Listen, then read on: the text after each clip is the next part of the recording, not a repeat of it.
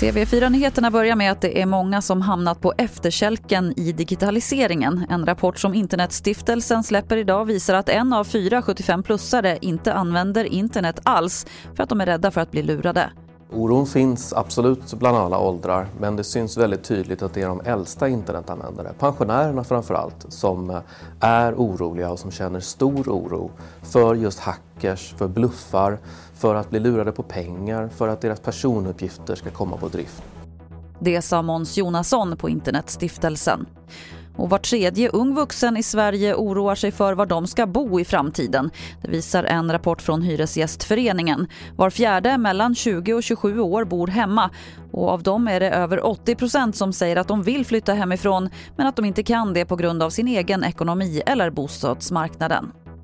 Brasiliens president Jair Bolsonaro har hamnat i blåsväder på sociala medier igen. Under en livesändning han gjort påstår han att coronavaccinet orsakar aids. Facebook svarade med att plocka bort filmklippet medan Youtube blockerade Bolsonaro helt från plattformen under en vecka. Fler nyheter det hittar du på tv4.se. Jag heter Lotta Wall.